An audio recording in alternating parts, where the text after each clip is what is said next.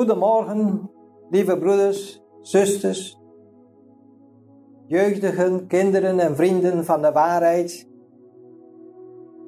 Zeg tot u allen een gezegende Sabbat.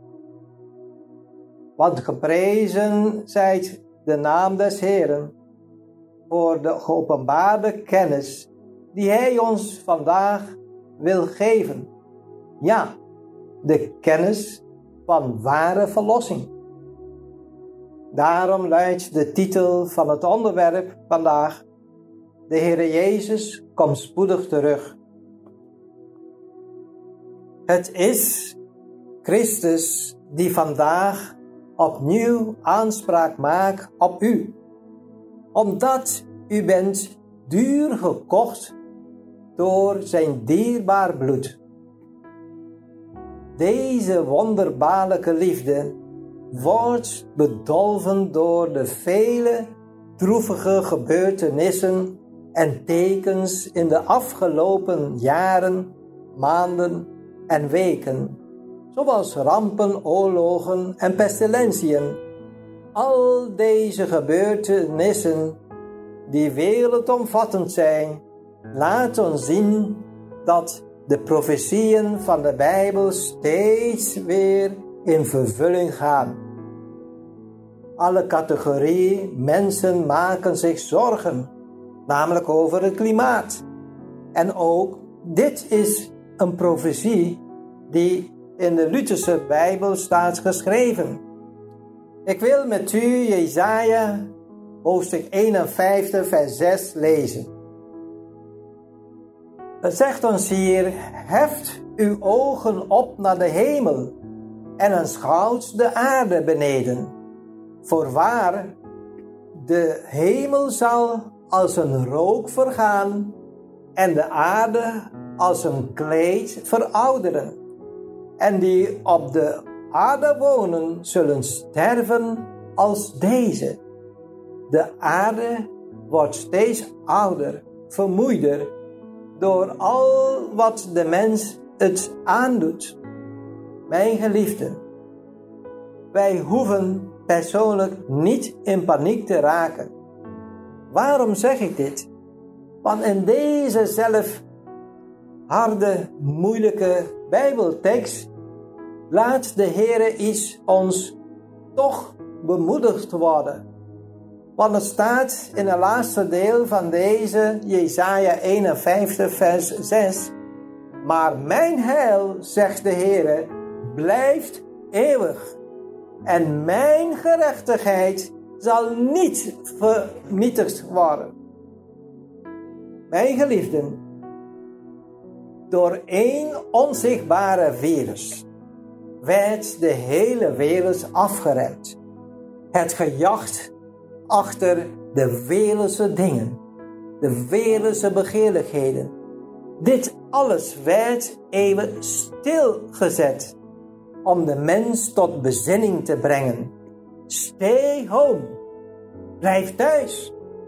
Alleen zo zullen we deze coronavirus onder controle krijgen. Ik wil met u een citaat uit de geest der profetie lezen en wel in het dagboek Het geloof waardoor ik leef. Op bladzijde 225. De wereld wordt beheerst door gespannen toestanden als nooit tevoren. Het lichaam, de geest en de ziel worden in beslag genomen door de verschrikkelijke macht van het verlangen naar plezier, geld verdienen, wedijver om macht en de felle strijd om het bestaan. Te midden van deze waanzinnige jacht spreekt God tot u en mij. Hij vraagt of wij ons willen afzonderen om zodoende gemeenschap met Hem te kunnen hebben. Wie spreekt daar? Wie wil tot ons spreken? Het is de grote Ik Ben. Psalm 46, vers 11 zegt dan ook: laat af en weet dat ik God ben. Mijn geliefden in de Heer. Als er een tijd is waar men zich zoveel bezig heeft gehouden met hun relatie met God te versterken, dan is het nu. Dit is al een glimpje van een teken dat de Heer Jezus komt spoedig terug. En hij is ook van plan om juist niemand achter te laten die van harte verlangen om zijn wederkomst te verwelkomen. Zijn gegarandeerde belofte vindt u terug in Johannes hoofdstuk 14, daarvan vers 1 tot en met 3. Hier zegt de Heer Jezus zelf: Laat uw hart niet ontroerd worden, niet onrustig worden, niet in paniek raken. U gelooft in God, geloof ook in mij, zei Jezus. Waarom?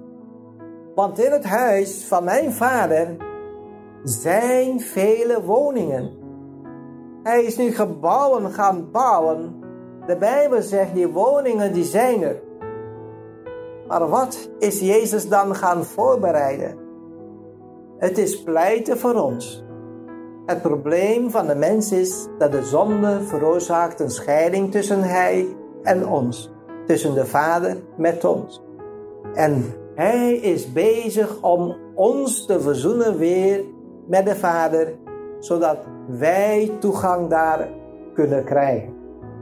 Daarom zegt hij ook verder in de tekst: Ik ga heen om uw plaats te bereiden en wanneer ik heen gegaan ben en plaats voor u gereed gemaakt heb, kom ik weder, kom ik terug en ik zal u tot mij nemen, opdat ook u zult zijn waar ik ben. Dat is nu de liefde van zijn kant. Hij verlangt dat wij spoedig bij hem zullen zijn. Op deze steeds terugkerende soortgelijke beloften heeft Gods trouwe volgelingen steeds gebouwd. Het maakt helemaal niet uit in welke of in onder welke omstandigheden wij verkeren. Zo hebben zijn kinderen in alle oprechtheid in de verschillende beloften geloofd, namelijk in zijn eerste komst, zijn lijden, zijn dood, zijn opstanding, zijn hemelvaart en hoe hij in onze tijd nu terug zal komen. Er is niks nieuws onder de zon, mijn lieve broeders en zusters, mijn medestrijders. Gods woord laat ons zien dat ook de vroegere gelovigen met hoop leefden. Laten wij in het Oude Testament Job 19 lezen wat deze patriarch geloofde. Want ik weet, zegt Job, mijn verlosser leeft. En hij zal de laatste over het stof opstaan. En als zij na mijn huid dit doorkanaagd zullen hebben, ik zal uit mijn vlees God aanschouwen. Ik zal hem aanschouwen. En mijn ogen zullen hem zien. Niet een vreemde. Mijn nieren bezwijken van verlangen in mijn binnenste. Ook in het Nieuwe Testament en wel in Handelingen hoofdstuk 9, daarvan vers 3 tot en met 5, staan enige kostbare gebeurtenissen. We weten dat Stefanus, die werd gestenigd, toen hij de reden had gehouden, hij had daar geopenbaard dat vanaf Mozes, die had verkondigd over de verlosser die zal komen. En hoe de ontwikkelingen later, de patriarchen, de profeten, die hebben steeds hierover gesproken. En nu was het gebeurd dat Jezus kwam naar deze aarde, maar juist kwam hij tot zijn volk, hopende dat ze zouden blij zijn om hem te ontvangen. Maar zoals we weten, hij werd juist kwalijk genomen. Hij werd vals beschuldigd. Hij werd zelfs op den duur gestraft, geslagen, verkeerd, veroordeeld tot de dood. En namelijk hebben ze hem uiteindelijk gekruist. Voor de ene groep die hem hadden aangenomen, die hadden begrepen, dit is de Messias, de Verlosser. Maar er is een andere groep die niet onder de leiding van de Heilige Geest waren. Die hebben het verprutst. Die hebben juist plannen beraamd totdat ze uiteindelijk de Messias hebben uitgeroeid. Hij werd daar gekruisigd tussen twee criminelen. Hij werd gelijkgesteld als de criminelen. Terwijl er verschillende voortekenen waren dat hij de zoon van God is. Mijn geliefden, wanneer wij niet openstaan dat Gods geest ons leidt, dan zal een andere geest ons leiden en wij zullen rare dingen doen. Rare dingen die ons uiteindelijk tot de dood zullen leiden. Maar dankzij Christus, die bereid was om uw schuld, mijn schuld, op zich te nemen, dit heeft hem uiteindelijk de dood gekost. Daardoor was hij gestorven. En niet van de kruisiging zelf. Zijn liefde was veel groter dan wat wij kunnen beseffen. Hij werd letterlijk als een lam geslacht. Mijn geliefden.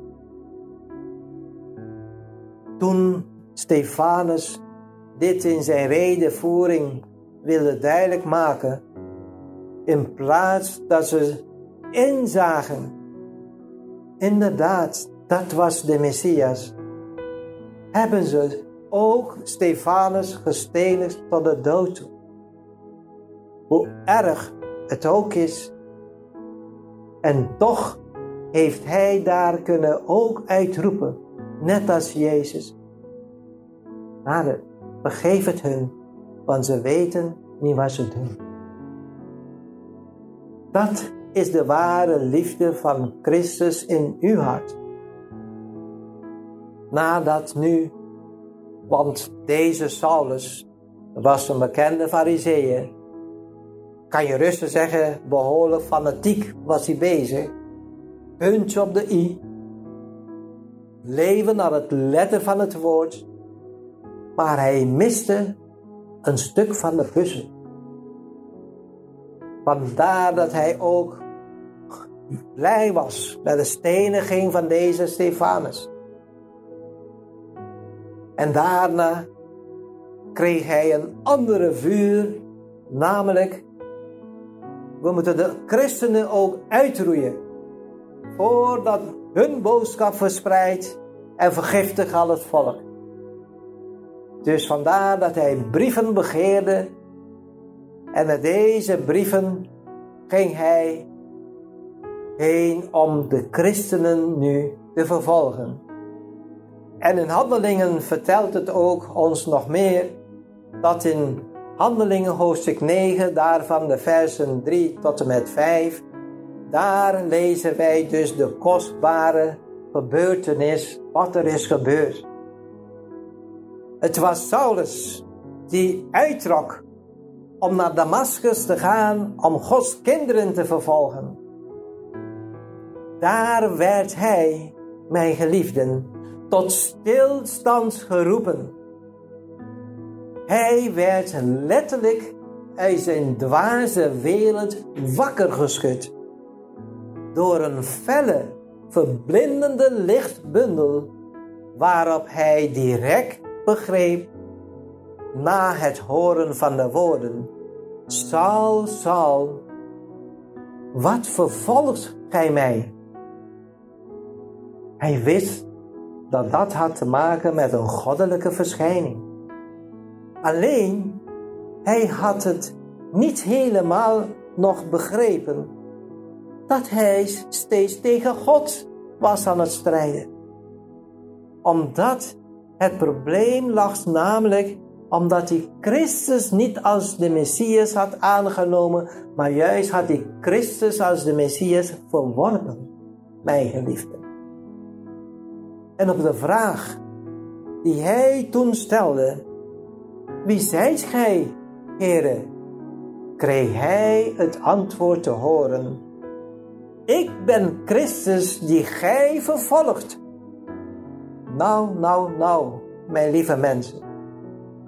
Saulus kon wel door de grond zakken.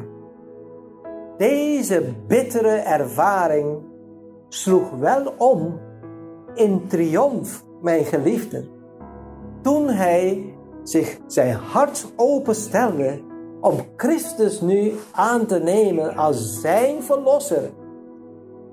Christus nam hem aan en hij heeft zijn naam veranderd. Hij heette niet meer Saulus, maar nu heet hij voortaan Paulus. En Christus heeft hem afgezonderd om de boodschap van het evangelie te brengen onder de heidenen. Met een kromme stok heeft God hier een rechte slag geslaan. En dit is wanneer wij onze hart openstellen. Kom in mij, Jezus. Neem het stuur van mij, ik over. Help mij om de weg te gaan om uw wil te volbrengen. Mijn geliefden, dit was een tijdelijke verandering wanneer wij ook bereid zijn om de Heer Jezus in onze harten aan te nemen.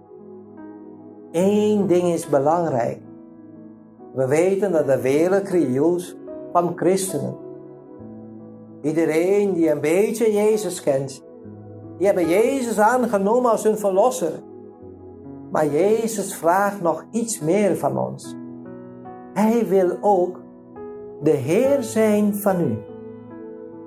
Dat betekent, neemt Jezus alsjeblieft niet alleen als uw verlosser, maar neemt hem ook aan als uw Heer, als degene die verder uw leven gaat leiden, zodat u veilig in Gods koninkrijk kan binnenkomen.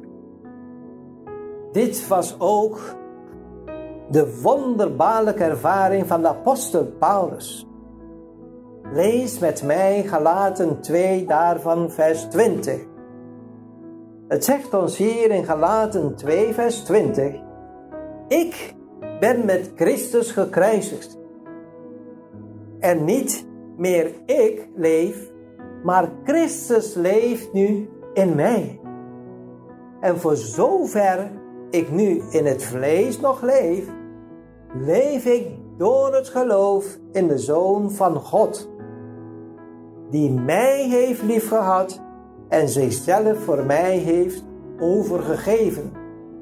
Hierop kunnen we zeggen Amen. Zijn roem was voortaan alleen het kruis van Christus. Christus de gekruisigde. Christus die voor mijn zonden is gestorven.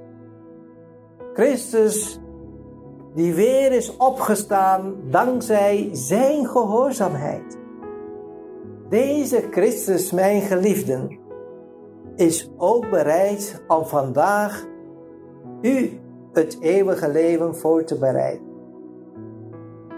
We lezen ook de mogelijkheid dat Hij geeft in ons leven. Hij roept ons.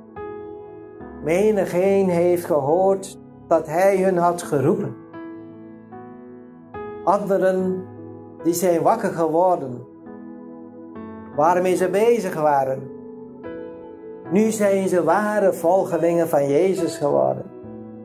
Vandaag biedt dezezelfde Jezus, die toen zo was, ook u vandaag wil Hij met de hoop vervullen. En ik zal je garanderen dat de hoop dat Christus u vandaag geeft, is nog krachtiger dan toen er tijd. Weet u waarom? Wij leven in de ware eindtijd, namelijk de tijd vlak voor de wederkomst van Christus. En wanneer ook u hiervan overtuigd bent, dan nodig ik u uit om ook zijn wederkomst te bespoedigen. Wij leren veel, we weten veel, maar we vertellen weinig over Jezus. Dit thema, mijn geliefden, namelijk de Jezus komt spoedig terug, zal een vervolg hebben, zodat wij dieper erop in kunnen gaan en zodat u u ook beter daarop kan voorbereiden.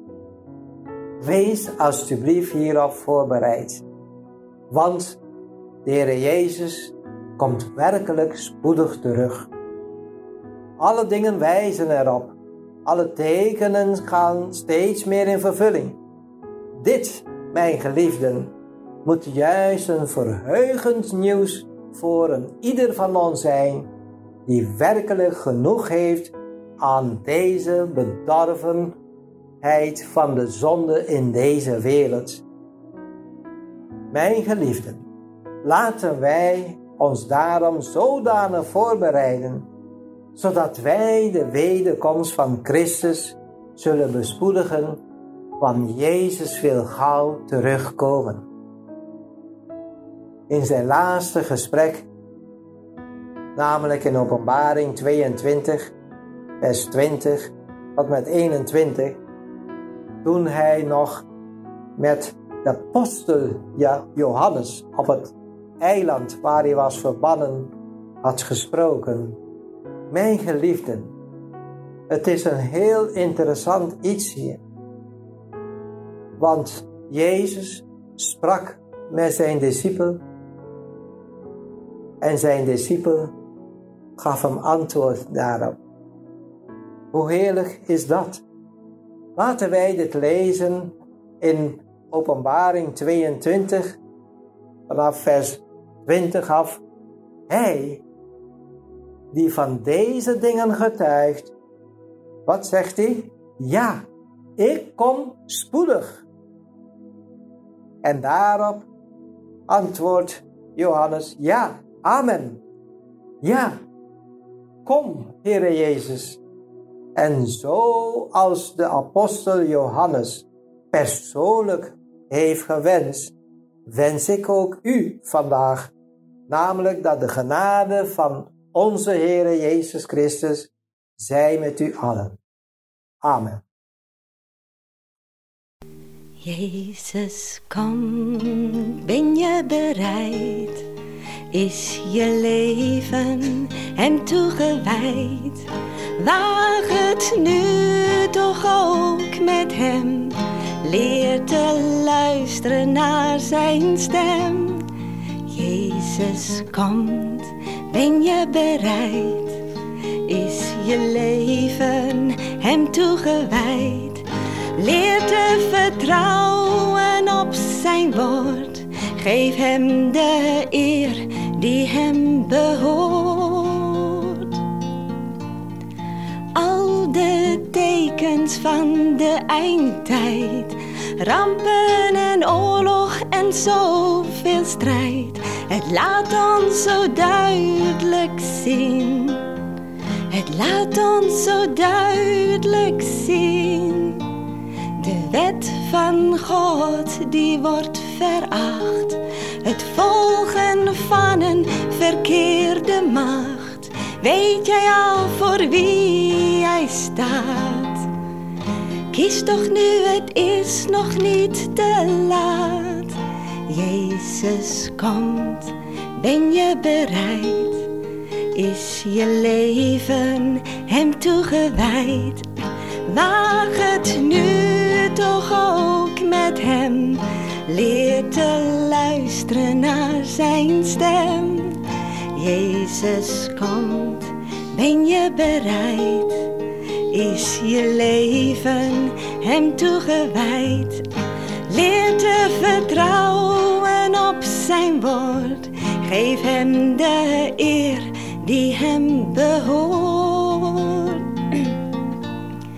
Hij die volhardt tot het einde toe zal behouden blijven. Daarom word niet moe. Het is nog maar een Blijf in de gehoorzaamheid. Hij wil niet dat je verloren gaat. Nee, dat je eenmaal ook naast hem staat. Van zonde en schuld bevrijd. Ge gevormd voor de eeuwigheid. Jezus komt, ben je bereid? Is je leven hem toegewijd? Waag het nu toch ook met hem.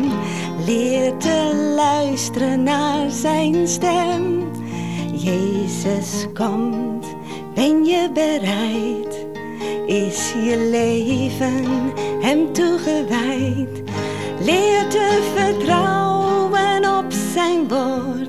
Geef hem de eer die hem behoort. Oog in oog te staan met de Heer. In een land vol vreugde, geen tranen meer. Al het oude is voorbij. Geen zonde meer voor altijd vrij. Jezus komt, ben je bereid? Geef hem de eer en twijfel niet meer. Jezus komt, ben je bereid?